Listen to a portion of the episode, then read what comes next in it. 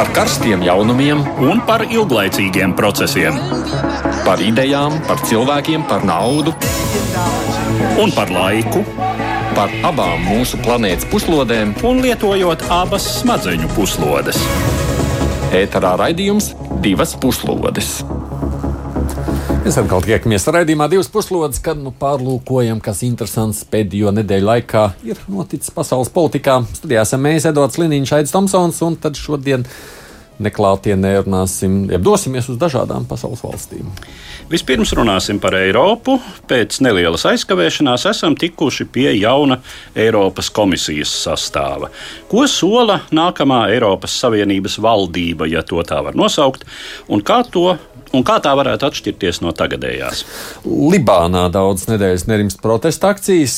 Pēdējos gados tāda nu, šķietam viena no mierīgākajām tuvu austrumu valstīm šobrīd piedzīvo dziļu politisko krīzi. Kas to izraisīs? Kāpēc?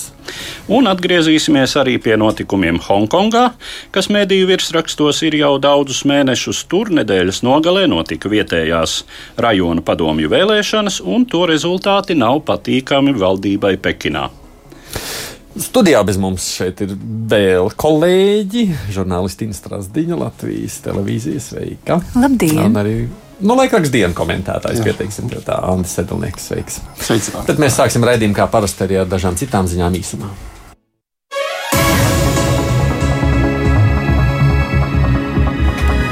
Saspringta situācija ir Albānijā, kuras atracinājusi ir spēcīgākā zemestrīce pēdējās desmitgadēs, laupot dzīvības maz vairākiem desmitiem cilvēku. Vairāk nekā 600 cilvēki ievainoti, virkne ēknu sabrukušas. 6,4 magnitūdas stiprā zemestrīce satricināja Albāniju agrā otrdienas rītā.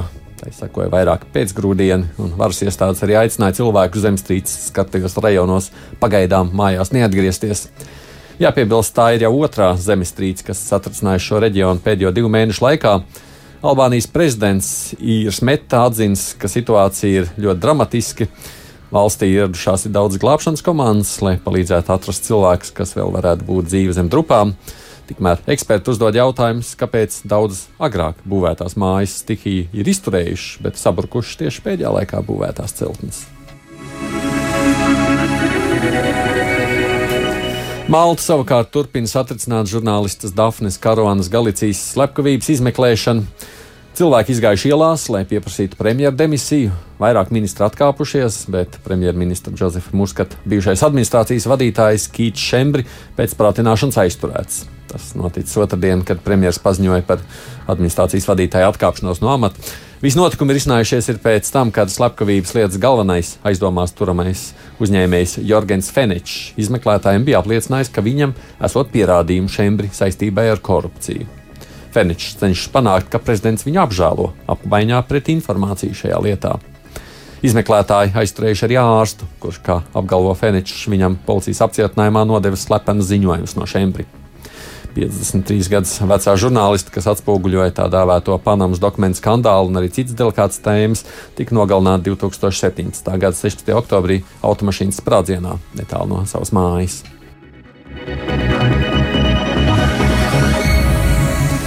Aptuveni puse ASV pilsoņu atbalsta prezidenta Donalda Trumpa impeachmentu, bet 43% pret to iebilst. Tā liecina telekanāls CNN sabiedriskās domas aptaujas rezultāti.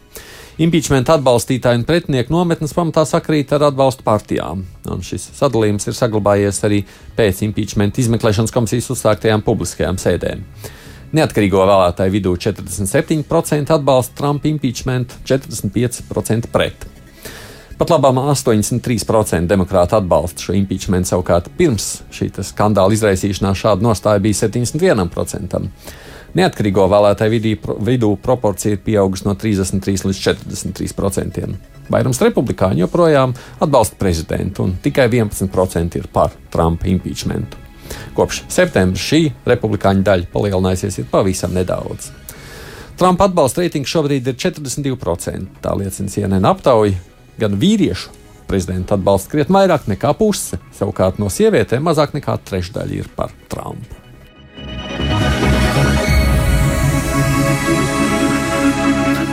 ASV tehnoloģija lielu uzņēmums Apple ir piekāpies Maskavas prasībām un turpmāk savās lietotnēs Ukrainai piedarošo Krīmas pussalu attēlo kā Krievijas teritoriju. Tā trešdien arī paziņoja Krievijas valsts doma.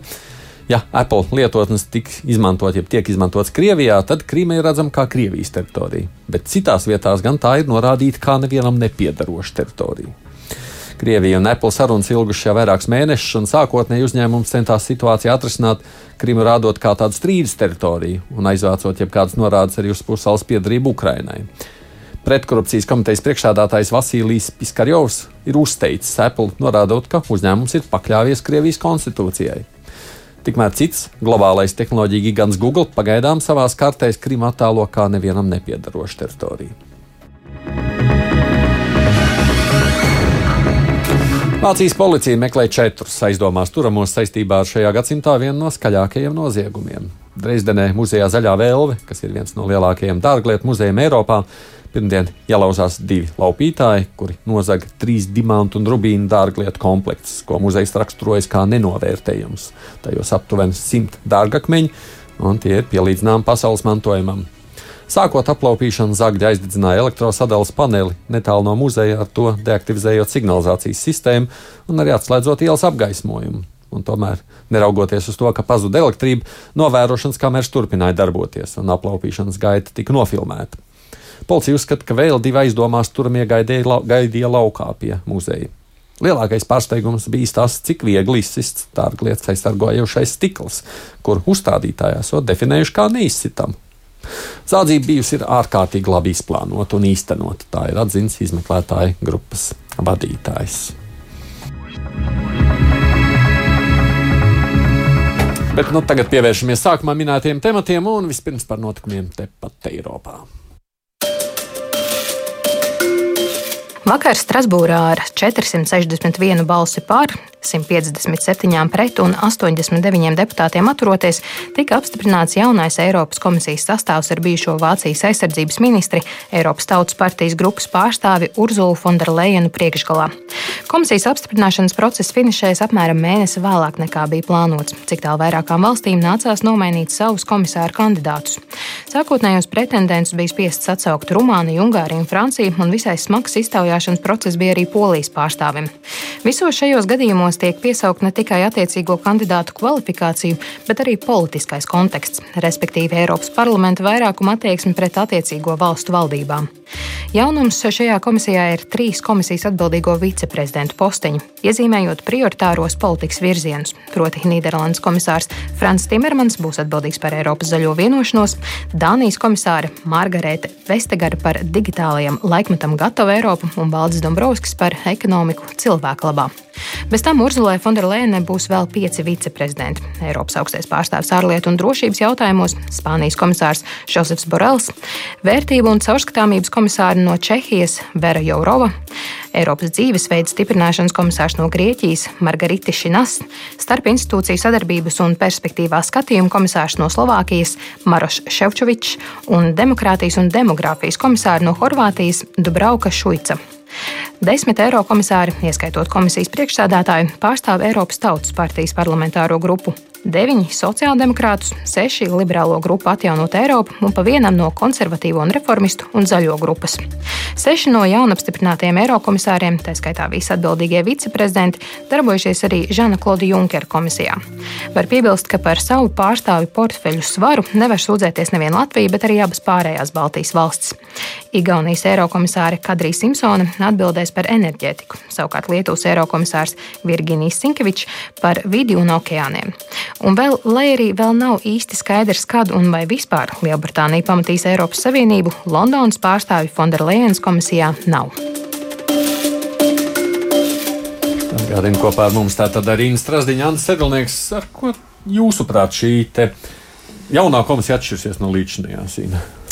Nu, ar to faktu jau pirmkārt, kad vadīs sieviete, tas ir, protams, tāds eh, varbūt tāds tas tehnisks. Jā, tas man patīk. Tas, tā, nu, tam nav nekāda vaina. Bet eh, jā, tas, tā struktūra ir ļoti interesanta, ka ir trīs tādi, kā teikt, labās rokas eh, komisāri, jā, kuri mm -hmm. pārvaldīs tādu plašāku jomu. Un, uh, nu, izskatās, ka šī komisija, protams, tie uzdevumi paliek līdzīgi vienmēr. Būtībā tur jau šajos lielos vilcienos tur īsti nekas nemainās, bet, bet izskatās, ka šī komisija tā ļoti koncentrējās uz tādām trīs pamatlietām, kas ir vide, digitālā attīstība un, protams, ekonomika. Tur uzsver arī uz zaļo ekonomiku. Man liekas, ka tie būs tādi trīs tādi pamatlauki šai komisijai. Nu, jāskatās tiešām, kā tas mehānisms darbosies, jo tā nav klasiska schēma, kāda ir bijusi līdz šim. Arī Junkers mēģināja mainīt, ja tur dodot lielāku vāru nosacīt varbūt tieši jaunajām valstīm, ja, iepriekšējā komisijā. Nu, Latvijai, jā, Latvijai ir tiešām liela vara, jo Valdim Dombrovskim uh, būs ne tikai tāda plaša atbildība, bet arī savs DG ģenerāldirektorāts, ja, kas mm. tur ir vairāk cilvēku pakļautībā un tur var tiešām izvērsties. Nu, jā, tāda interesanta struktūra. Interesanta struktūra. Ko Anna saka par jauno es, Eiropas vadību? Es ne tik daudz uzmanības pievēršu pašai šai komisijas struktūrai un šim amatu sadalījumam, bet no nu, vairāk tam faktam, ka ir solītas un principā ir vitāli nepieciešams liela mēroga nopietnas reformas. Un, tā teikt, tas ir tas arī, manuprāt, galvenais, tas, ar ko viņi kas, kur šie visi šie cilvēki lielā mērā būs iesaistīti. Jo tās reformas ir saistītas ne jau tikai ar kādu konkurences spējas palielināšanu vai saglabāšanu vai Eiropas centralizāciju, bet arī nu, būtībā ar ģeopolitiskām izmaiņām. Ja, jo kaut kas ir jādara, lai man šis vārds par su suverenitātes palielināšanu un tādas frāzes, un tur būs daudz pretrunu un, es domāju, interesanti procesi. Jā, jo tas, ka nav, es atvainojos, jā, jā, bet, ta, tas, ka nav uh, Lielbritānija arī, nu, protams, tas jau ir tāds lielākais jaunums principā visā Eiropas Savienības vēsturē. Nu, spriežot pēc šīs dienas aptaujas rezultātiem, ka Džonsonam tur spīd absolūtā uzvara tajās vēlēšanās, es domāju, ka Lielbritānija arī nebūs. Nu, izskatās gan, jā. jā, jā, jā. Beidzot varētu arī nebūt. Nu jā, tieši tā, un ne tikai Eh, šo trīs eh, atbildīgo viceprezidentu, bet arī pārējo viceprezidentu eh, portfeļu nosaukumos iezīmējas nu, teiksim, pēdējo gadu politisko tendenci un izaicinājumu defini, definējums. Nu, piemēram, Grieķijas pārstāvja Margaritis Šīnas um, portfelis, kas saucas Eiropas dzīvesveida stiprināšana. Um, kaut kur es pat lasīju Eiropas dzīves ziņas komisārs. Tas nu gluži tā nav, laikam. Uh, tā tad, bet nu, viņš nodarbosies būtībā lielā mērā ar to, kas ir viņa specialitāte, proti, uh, proti arī ar bēgļu un migrācijas jautājumiem. Um, bet, nu, lūk, uh, zināmā mērā tā ir atbilde šiem uh, populistiskajiem un antimigrācijas spēkiem, kuri uh, migrācijas plūsmās un sevišķi nekontrolētajās migrācijas plūsmās saskata draudu Eiropas identitātei un tradicionālajam dzīvesveidam. Vai arī, teiksim, komisāres. Um, Gribētu jau gan redzēt, kas tur viņam sanāks ar to viņa tādu pienākumu pildīšanu. Es... Nē, nē, nu sanāks, tur ir jāsaka tā, ka tie portfeļu nosaukumi, tas jau vairāk kārt arī mūsu raidījumos ir izskanējis. Šie portfeļu nosaukumi nemaina mehānismu, kā darbojas komisija. Jo virs šī, respektīvi zem šī komisāru komplekta jā, zem, zem šiem, šīm konkrētajām personālijām ir jau krietni gadu desmitiem iestrādāts mehānisms. Nu, tas, tas, ko saka Anna, nav skaitīt, vai ne? Tu, nu, tie, tie direktorāti, kuri uh, veic konkrēto darbu, un kurus šie komisāri pārauga. Tā ka nu, būtībā jau uh, nemainās jau tas, ka uh, teiksim, uh, nu, nebūs, nebūs, nebūs tā, ka tagad Eiropa runājot par uh, inovācijām eh, vai, vai vispār teiksim, par ekonomikas eh, nu, kaut kādu eh, ekonomiskajām programmām runās tikai turpmāk par digitalizāciju. Ja, tāpēc, ka mums ir, mums ir šis atbildīgais viceprezidents, prot, konkrēti viceprezidente, pareizāk sakot, Vestageras kundze, kur atbild par digitālajām laikmetam gatavu Eiropu. Bet, bet nu jā, tie, tie ir tie teiksim, tie problēmu lauku iezīmējumi. Ja? Tātad, ja mēs, jo, teiksim, ja mēs runājam kaut vai par šo zaļo līgumu, nu, ko tas ietver? Tas ietver, piemēram, iespējamas Eiropas investīcijas jau visas Eiropas mērogā energoefektivitātei.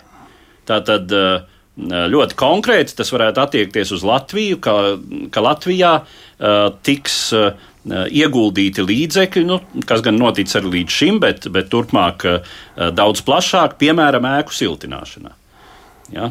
Uh, kas, kas varētu būt visas Eiropas iniciatīva un attiekties faktiski uz visiem Eiropas reģioniem, uh, kuros tā problēma mm. pastāv. Nu, mēs varētu faktiski redzēt arī, nu, kur tad būs tā lielākās finanšu ieguldījumi. Jā, cīnot Eiropā, stāsts ir par jaunajām tehnoloģijām, jā, tas stāsts ir par vidas problēmu risināšanu. Uh, nu, par jaunajām tehnoloģijām, nu, teiksim tā, nu, Eiropa, uh, jā, protams, Eiropa investēs um, zinātnē Uh, un uh, tehnoloģiju inovācijās. Mhm. Pirmkārt, nu, Eiropa investēs arī vismaz tāda tendence ir iezīmējusies, investēs aizsardzības tehnoloģijās, vai katrā ziņā centīsies um, nozīmīgāk koordinēt šos ieguldījumus visas Eiropas mērogā, jo nu, tā ir uh, atzīta problēma, ka uh, salīdzinot ar Savienotajām valstīm un Ķīnu, kas ir divi nozīmīgākie spēlētāji globāli aizsardzības uh, militārajās tehnoloģijās Eiropa atpaliek uh, tieši tāpēc, ka uh, joprojām katra valsts Eiropā darbojas par sevi. Ko e, kopējā Eiropas ekonomiskā kapacitāte būtu pietiekama, lai ieguldītu aizsardzībā. Ja? Bet tā, tā vietā, tātad katrs darbojas par sevi, šīs investīcijas ir sadrumstalotas, attiecīgi salīdzinoši. Nepietiek, lai uh, Uh, liktu iekšā tik, lielās, uh, tik lielas investīcijas, kādas liek uh, teiksim, koncentrēti Ķīna vai Savienotās valstis. Nu, mēs attiecīgi uzklausām pastāvīgi, piemēram, prezidenta Trumpa norādījums, ka mm. tādam ekonomiskam spēlētājam kā Eiropa būtu jādomā vairāk pašam par savu aizsardzību, kas ir taisnība sakot, pareizi teikts. Ja. Savukārt, Ants sacītais par to nākotnes, ja tām reformu izaicinājumiem, kas, ko tad tu redzi tajos tālākajos? Nu, pirmais, protams, ir visas tās aktuālās, teiksim, tās tēmas izmaiņas, bet otrs ir tas, ko es teicu, šis te izmaiņas lielajā ģeopolitiskajā kartē. Ja. Nu, nu, mēs, teiksim, nu, ir tāds fakts, ja, ko nu, ja atzīst ASV valsts departaments vai tur aizsardzības nu, pentagons, ja, kad pasauli atgriežas pie lielvaru sācensības. Tur ir, tur ir izliet liels skaits dažādu konsekvenču no šī fakta.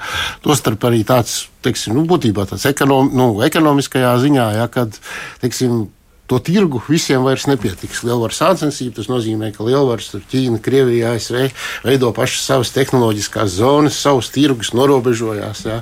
Bet tajā pašā laikā ASV un Eiropa būtībā ir divi dublējoši. Vis, nu, teiksim, visa ražošana, jā. principā katrs var ap, nu, sagādāt uh, visu nepieciešamo gan vienam, gan otram. Jā. Teiksim, nu, šis ir tas gadījums, kad Bolivārs var nepanest divus. Un šī tendence sāk izpausties jau prezidenta Obamas laikā ASV, jā, kurš uzbāza gāzās ar brīvās tirdzniecības līgumu, ja saucās nostādot Eiropu neizdevīgā situācijā. Un viņi izteikti turpinās Trumpa laikā tikai nu, Trumps teikt, īpaši neizvēlās galantus un zelītas izteicienus un nemaskēja savu nostāju.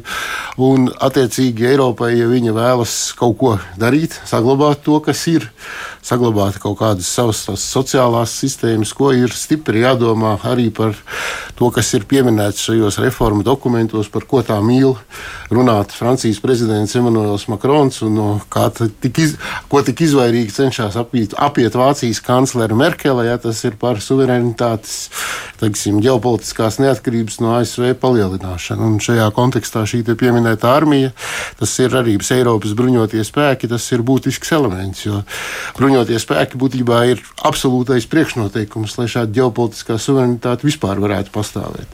Un tā kā es, nu, un tur Eiropas iekšienē attiecīgi, ja, teiksim, ir ļoti daudz uh, proamerikāniskā, nu, proamerikāniska politiķu uzņēmēji, kas vēlas saglabāt visu, kā ir. Ja, saucās, ir nacionālās, tiksim, kā, kā ir tagad neskapēc pieņemts teikt, neliberālās demokrātijas, kas uzsver liek uz uh, nacionālo valstu Uh, uz nacionālo faktoru, jā, un kurām šis tāds jēdziens kā centralizācija vai kas ir kategoriski nepieņemams.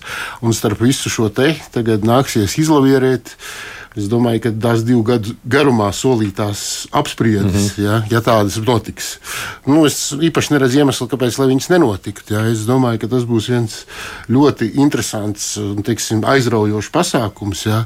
Un tajā skaitā arī tādēļ, ja, kad uh, plašākai sabiedrībai var nākties piedzīvot brīdi, kad mainās uh, teiksim, vispār pieņemtie priekšstati vai stereotipi par daudzām tādām axiomām nu, lietām, kuras mēs uzskatām par axiomām, jāsaucās par, teikt, par to, ka varbūt kaut kas nav īsti kārtībā.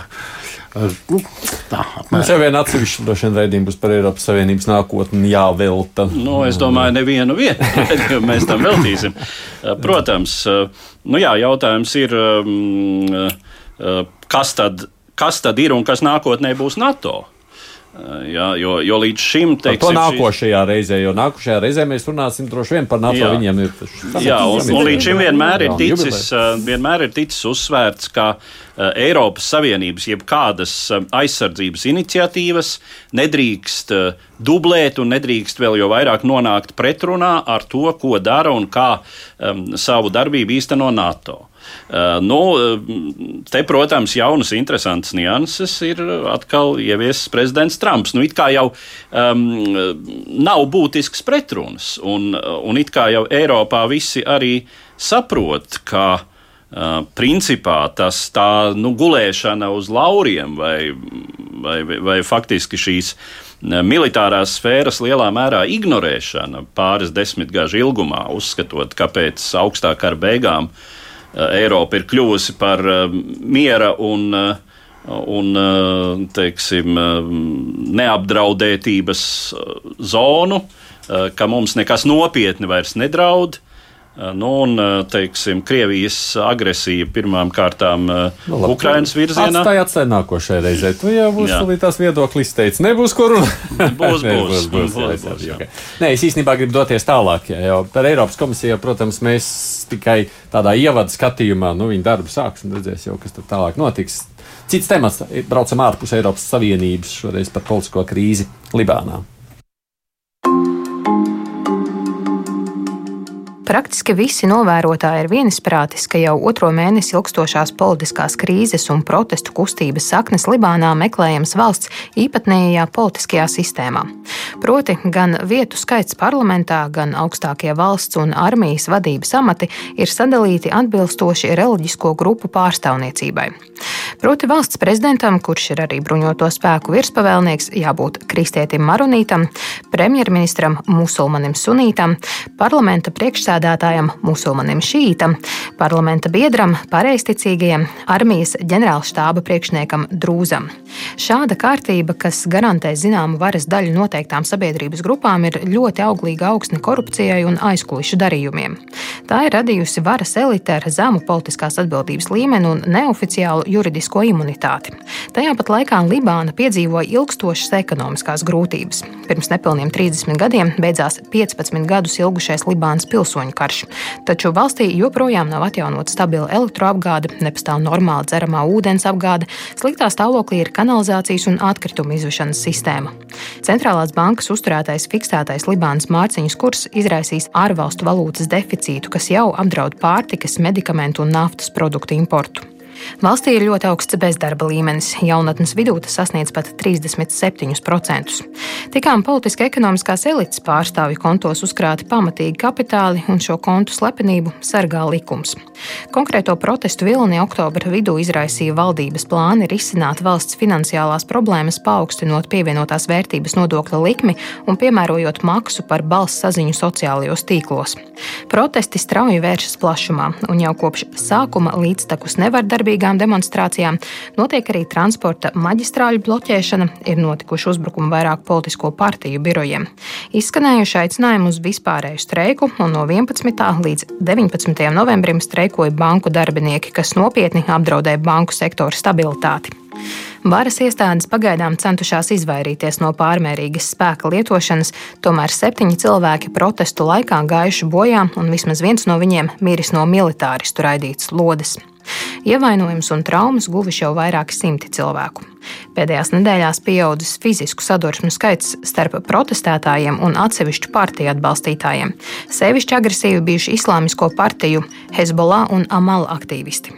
Lielākais protestu panākums līdz šim ir premjerministra Sāda Hariri kabineta demisija 29. oktobrī, tomēr prezidents Mišels Auns joprojām neatbalsta protestētāju prasības pēc politiski neitrālas tehnokrātu valdības izveidas un ārkārtas parlamentu vēlēšanām.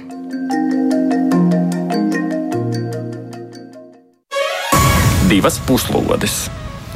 Gadījumā studijā šeit arī žurnālistīna Strasdiņa un Anna Sedlnieks, un arī mēs ar Eduardu Liniņu. Inu, tu tur esi bijusi. Tev jau tad bija tāda sajūta, ka būs priekšā nemierīgi laiki. Nu, Libānā ir tā, ka paši vietējie saka, ka tur karš var sākties divās minūtēs.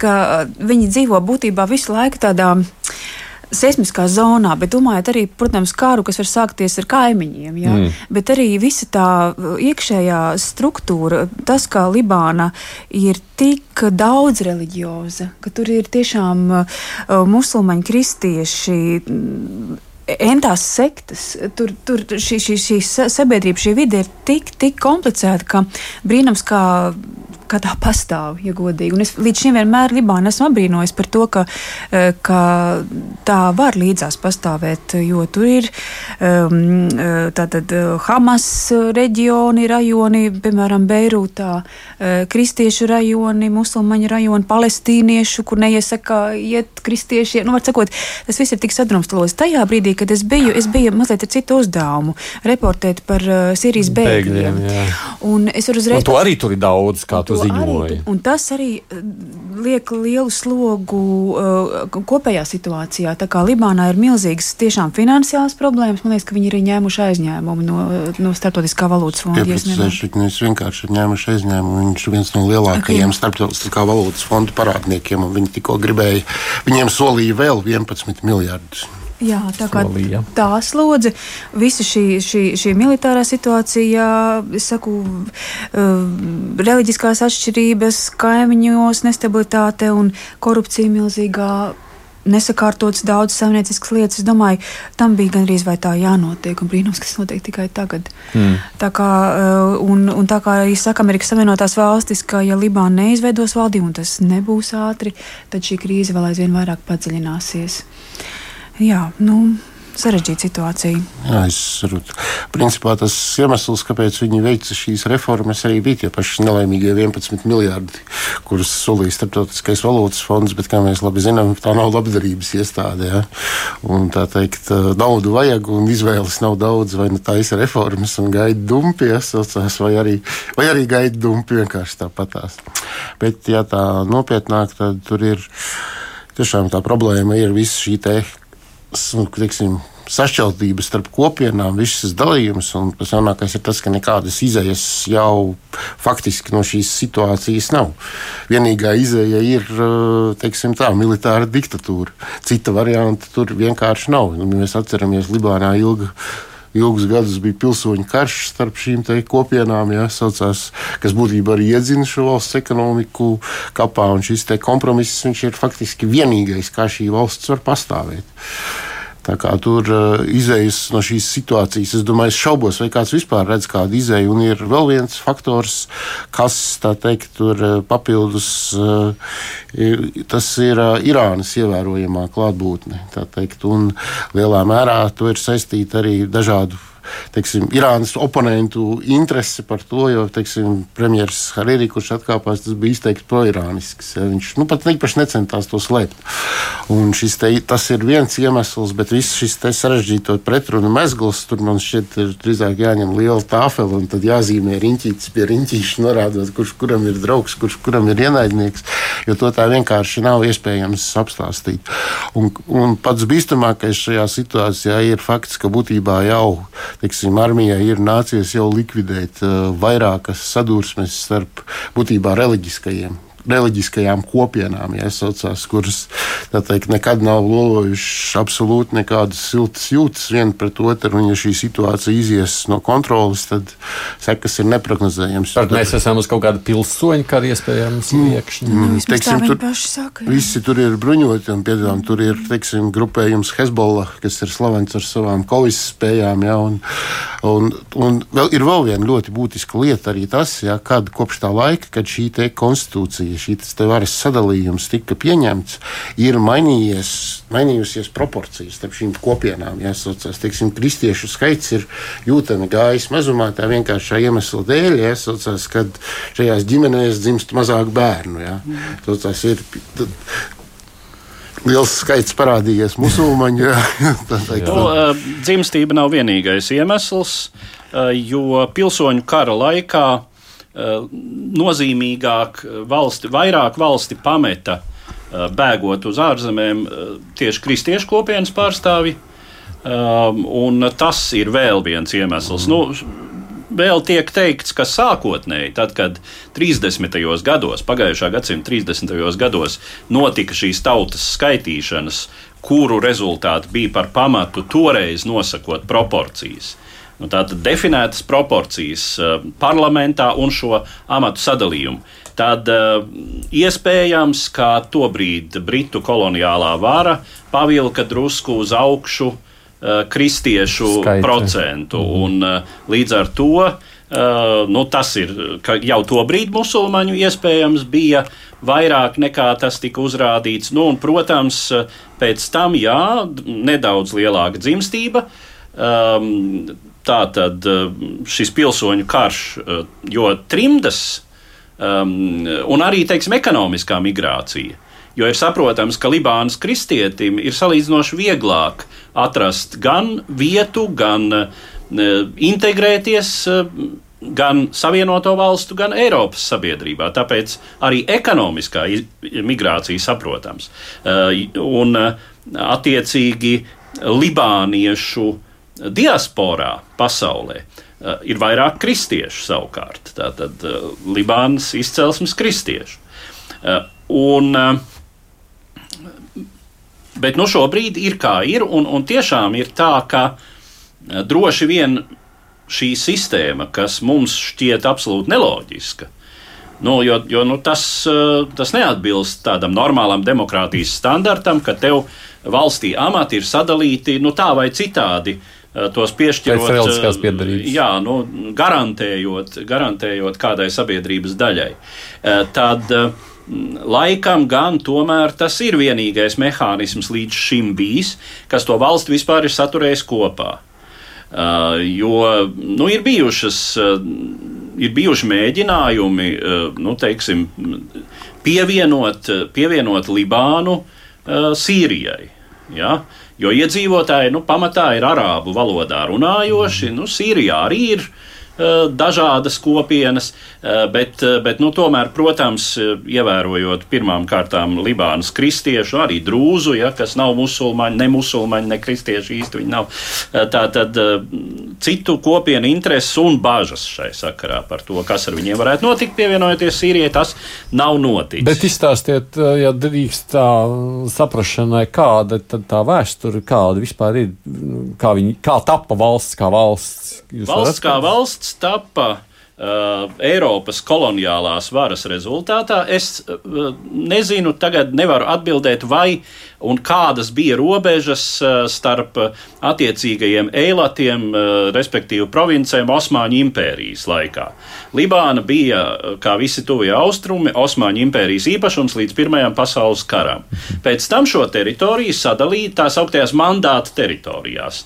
Anglija un Francija, respektīvi Lielbritānija un Francija, sadalīja un mandāta teritorijas definīcija ir tātad mēs šo teritoriju pagaidām pārvaldām, tā nav gluži kolonija. Ja? Tas nav koloniāls īpašums, bet mēs šo teritoriju pagaidām pārvaldām, kamēr tā ir gatava sava valstiskuma izveidošanai.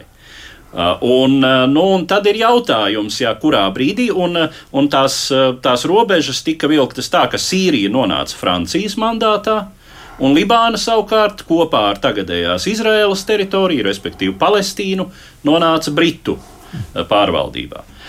Un pēc tam tās robežas nu, tādas arī palika. Ja? Uh, tikai teiksim, Izraēlas valsts, kura bija um, no visiem viedokļiem visgatavākā sava valstiskuma izveidei, par spīti visām, visām ka, ko šai valstī ir nācies piedzīvot. Um, nu, tā savas robežas, teiksim, gan politiskiem, gan militāriem līdzekļiem noteica lielākā vai mazākā mērā ir noteikusi pati. Paplašināja. Jā, nu, un Libāna ir palikusi nu, gandrīz vai tāda teritorija, kura, nu, kura īsti, kuru īsti eh, ģeopolitiski gandrīz vai jāsaka, nav kur likt. Jā, viņa, jo jo nu, tā ir tāda, tā tiešām ir tāda. Mm, Respektīvi, pievienošana Sīrijai ir, ir, ir neiespējams risinājums, jo tas var izraisīt pilsoņu karu ar potenciālu ieraut tajā vēl kādas citas reģiona valstis. Uh, nu, par, par, teiksim, par pievienošanu Izrēlai. Tur vispār nav nekādas runas. Ja? Mm -hmm. un, un šī, bet šī neatkarīgā pastāvēšana, nu, arī mēs redzam, cik tā ir sarežģīta. Tas, kas līdz šim nav bijis, ka parādās diezgan nozīmīgs sabiedrības segments, kurš sevi definē kā ārpus reliģijām esošs. Uh, un pat uh, teiksim, uh, un, un opozīcijā šai līdz šim pastāvējušai reliģiskajā piedarībā balstītai politiskai sistēmai. Piemēram, nu pat Libānā bija valsts svētki, un šie aktīvisti sarīkoja uh, pilsoņu svētku gājienu, izējot šais svētku gājienos pa profesionālajām grupām. Teiksim, tur, tur esot pavāri, armijas veterāni atsevišķi gājuši tādā veidā, uzsverot, ka viņi grib un redz šai sabiedrībā citādu struktūru nekā dalīšanās pa šīm reliģijām. Bet nu, ir jāsaprot, ka tas, ka šāda tendence ir, tas nenozīmē, ka to var tā uzreiz izmainīt. Jo nu, nevelti, ja sevišķi musulmaņu partiju atbalstītāji uh, ir, ir rīkojuši šos uzbrukumus Um, attiecīgi protestētājiem. Jūsu versija tālāko notikumu attīstībā. Nu, es domāju, protesti turpināsies diezgan, diezgan ilgu laiku vēl. Es pieļauju, ka šeit ir svarīgs arī.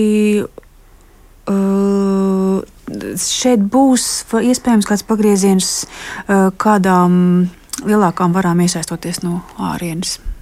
Varas varētu būt interesētas no kaut kādā veidā iesaistīties. Ir valsts, kuras vienmēr liekas, viss interesē. Un ir valsts, kuras nemaz tā īpaši pārējo pasauli neinteresē.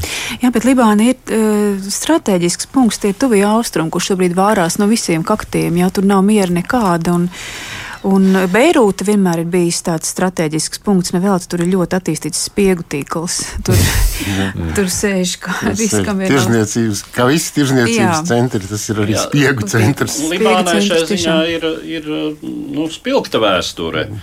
Ja teiksim, mēs runātu par šo jautājumu pirms 35 gadiem, vai augstais karš tur gāja uz augstiem punktiem, tad, tad, tad būtu pilnīgi skaidrs. Tad, tad jau šobrīd tur būtu piebraukuši pāris aviācijas bāzes kuģi, no kuriem uh, būtu nu, pamatā amerikāņi, bet iespējams franču visdrīzāk. Kāpēc? Arī. Kāpēc tieši un, uh, nu, tas, bija, tas bija tas, kā to risināja līdz salīdzinoši nesenam laikam, vienkārši iesūtot labi, ļoti labi bruņotus miera uzturēšanas spēkus.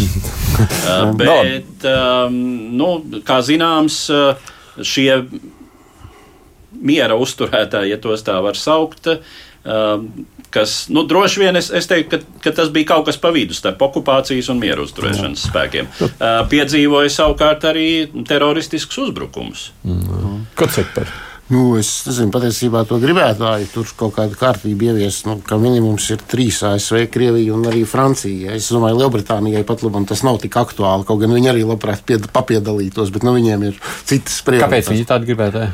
Nu, pirmkārt, Krievija ir ievērojami nostiprinājusi savas pozīcijas tuvajos austrumos, īpaši Sīrijā. Libāna, Sīrijā, piemēram, ir ļoti izplatīts uzskats, ka Libāna patiesībā ir Sīrijas sastāvdaļa. Tur, atceramies, tur bija Sīrijas okupācijas karaspēks un tā tālāk. Vienkārši britu imperialisti un kolonisti teikt, ir piesavinājušies, nogriezuši, izveidojuši neatkarīgu valsti.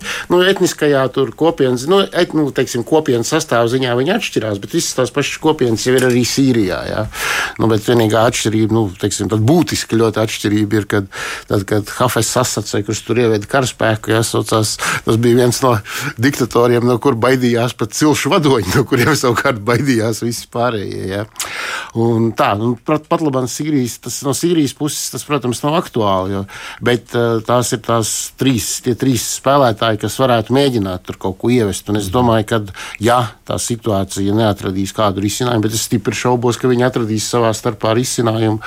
Tad tur tiešām varētu būt runas par kādiem miera uzturēšanas spēkiem, bet šis ir tas gadījums, kad kāda viena puse vienpersoniski kaut ko ievest, diezinu vai būs spējīga. Ja? Nu, tur, var, tur var nākties slēgt kaut kādas ārkārtīgi sarežģītas kompromisus, meklēt kaut kādus neitrālus ANO spēkus, vai, nu, no kuriem patiesībā gan jēgas šādos gadījumos ir visai minimāli. Ja? Jo, teiksim, es, nu, tā, tā pretreakcija uzreiz būs no, cit, no citām lielvarām nu, adekvāta. Mums gan jābeidz jau vēl viens temats, bet Katrīna raksta, jūs gan par Libānu izsakāties nepārāk glīti. Valsts taču noteikti var pastāvēt. Kāpēc kādam kas jāpievieno? Bez tam konstitūcijā noteiktais par visu ticību pārstāvjiem, valdībām, parlamentā arī notur šo kārtību, bet zakšana augstos ešalonos bez mēra vienmēr jau ietekmē situāciju, kas var kļūt draudīga, tīpaši karstās zemēs.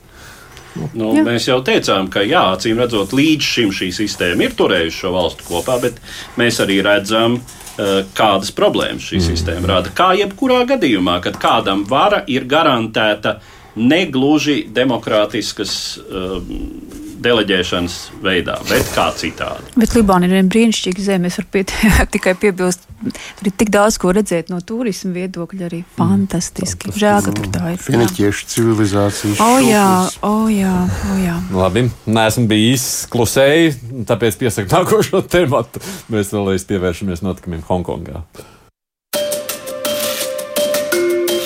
Protestu kustība Hongkongā neapsīkst jau kopš mārta, lai arī to izraisījušais konkrētais iegansts, likumprojekts, kas paredzēja apsūdzēto izdošanu kontinentālās Ķīnas varas iestādēm, tika atsaukts jau septembrī. Raksturojot šo piekāpšanos kā pārāk mazu un pārāk vēlu, protestētāji tagad prasa nekvalificēt šos protestus kā dumpi, vispārēju amnestiju protestu dalībniekiem, policijas vardarbības gadījumu neatkarīgu izmeklēšanu un, kas visnozīmīgākais, vispārēju un tiešu vēlēšanu ieviešanu autonomajā reģionā. Daļa protestētāju pieprasa arī Hongkongas administrācijas vadītājas Kerijas Lemas atkāpšanos. Pagājušo mēnešu laikā pamatīgi sāsinājušās attiecības starp protestētājiem un Hongkongas policiju, kura vēl nesen tika dēvēta par priekšzīmīgāko Āzijā. Ķīnas tautas atbrīvošanas armija koncentrējusi papildus spēkus Hongkongas tūmā, vairojot bažas par iespējamo intervenciju reģionā. Uz šī fona 24. novembrī Hongkongā notika rajonu padomju vēlēšanas. 18 rajonu padomes ir vietējās pašvaldības, kuru funkcijas un kompetences līdz šim aprobežojās ar komunālo pakalpojumu un iedzīvotāju dzīves kvalitātes sfēru. Taču šīs vēlēšanas tiek uzlūkotas kā neoficiāls uzticības referendums pašreizējai autonomijas vadībai un pastāvošajai politiskajai sistēmai. Rezultātā tika uzstādīts jauns vēlētāju aktivitātes rekords - vairāk nekā 71%, un tajā triumfēja prodemokrātiskie spēki. Viņu kandidāti ir vairākumā 17 no 18 rajoniem, iegūstot 388 no pavisam 452 deputātu vietām. Savukārt Pekinas valdības piekritējiem agrāko aptuveni 300 deputātu vietā rajonu padomēs palikušas vien 62 vietas.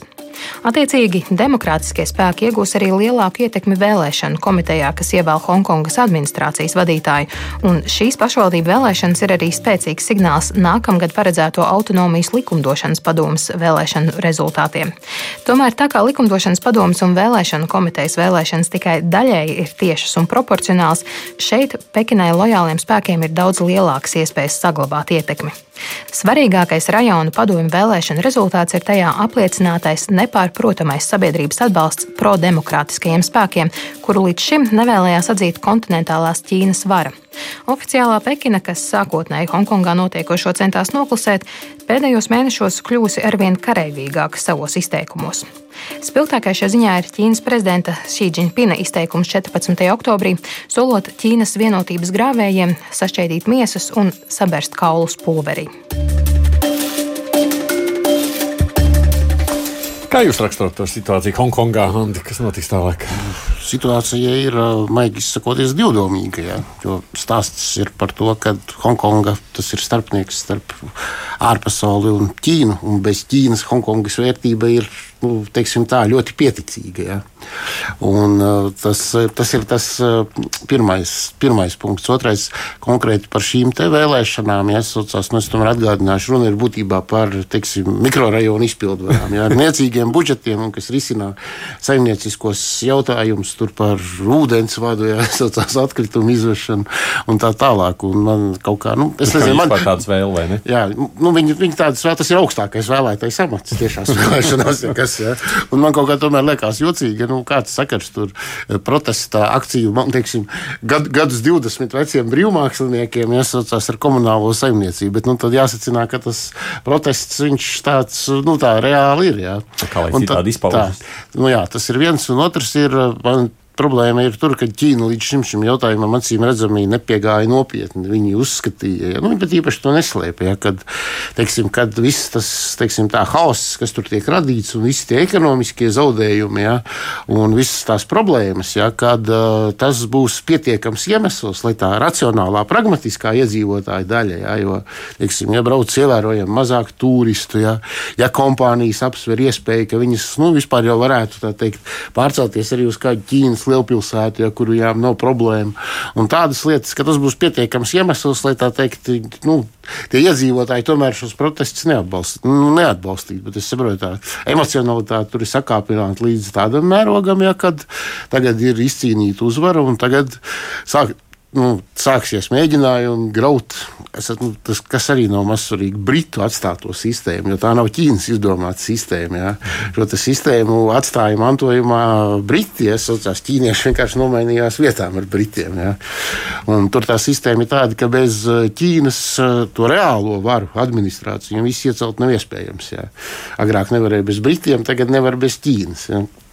Un, uh, tagad es saprotu, ka nu, mēs centīsimies prasīt ar ASV vēstniecības un citu demokrātisko institūciju atbalstu, jā, lai mums ļauj tieši vēlēt. Jā, un, Kā tas viss beigsies ekonomiskajā ziņā, to es baidos pat prognozēt. Jo Ķīnā ir kādas desmit lielpilsētas, to starp vienu atrodas tieši pie robežas ar Hongkongu aizmirsu, diemžēl, nosaukumu, kas jau ir lielāka par Hongkongu. Un visas šīs lielpilsētas, visu šo lielpilsētu administrāciju vadības ar prieku sadalīt tos 350 miljardus dolāru gada IKP. Jāsaucās, nu ne jau visus, protams, bet lielu daļu tur finanšu sektoru, pakalpojumu sektoru, ostas un ko. Viņas ar prieku to sadalīt savā starpā.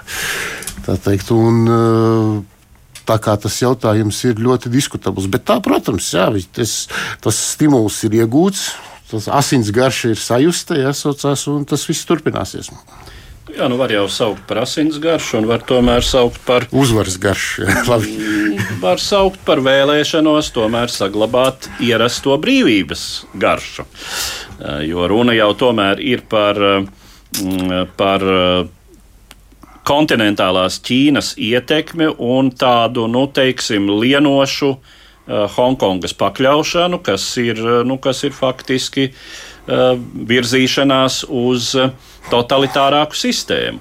Es atceros tajā brīdī, kad Hongkongu nodeva kā autonomiju Ķīnai no līdz tam pastāvējušās Lielbritānijas koloniālās varas, tad bija tādi ļoti optimistiski pieņēmumi par to, ka lūk, mēs Hongkongu kā tādu brīvības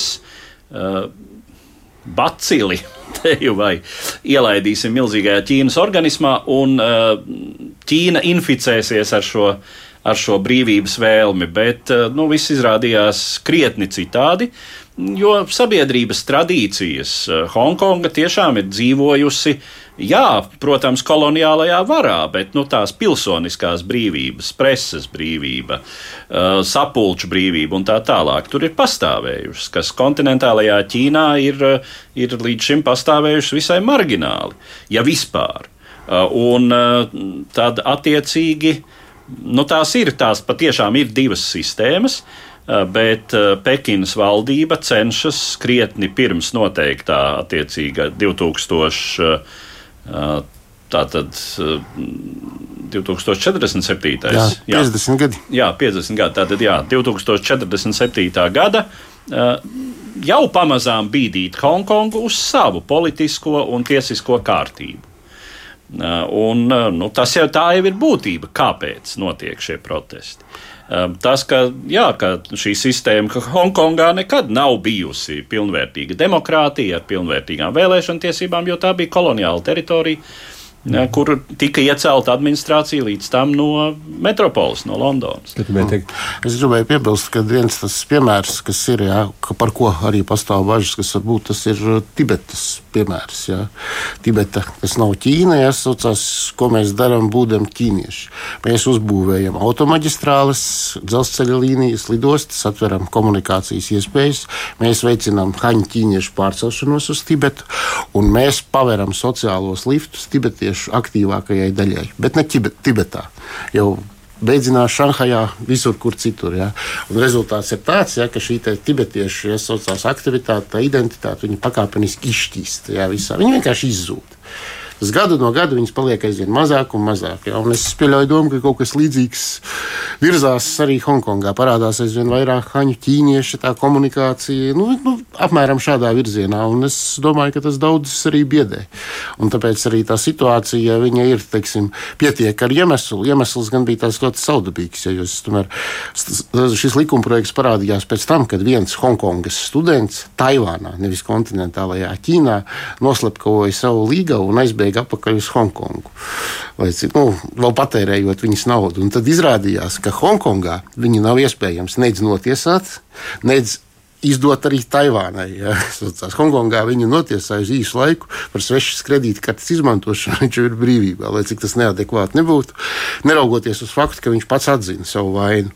Bet, teikt, kad tika prezentēts atbilstošs likuma projekts, tad uzreiz tika saskatīts fakts, ka tas nozīmē iespēju arī, kad liels skaits cilvēku varētu tikt izdots Ķīnai. Jā, bet Bobāžs arī. Tu neesi bijis Hongkongā, vai ne? Nē, bet es kā visu priekšā sēžu klausos. Un klausoties tajā sēžot un skatoties, secināju, ka jābrauc. Jā, kāpēc gan ne? Tā ir vieta, kuras neesmu bijis, kāpēc gan ne?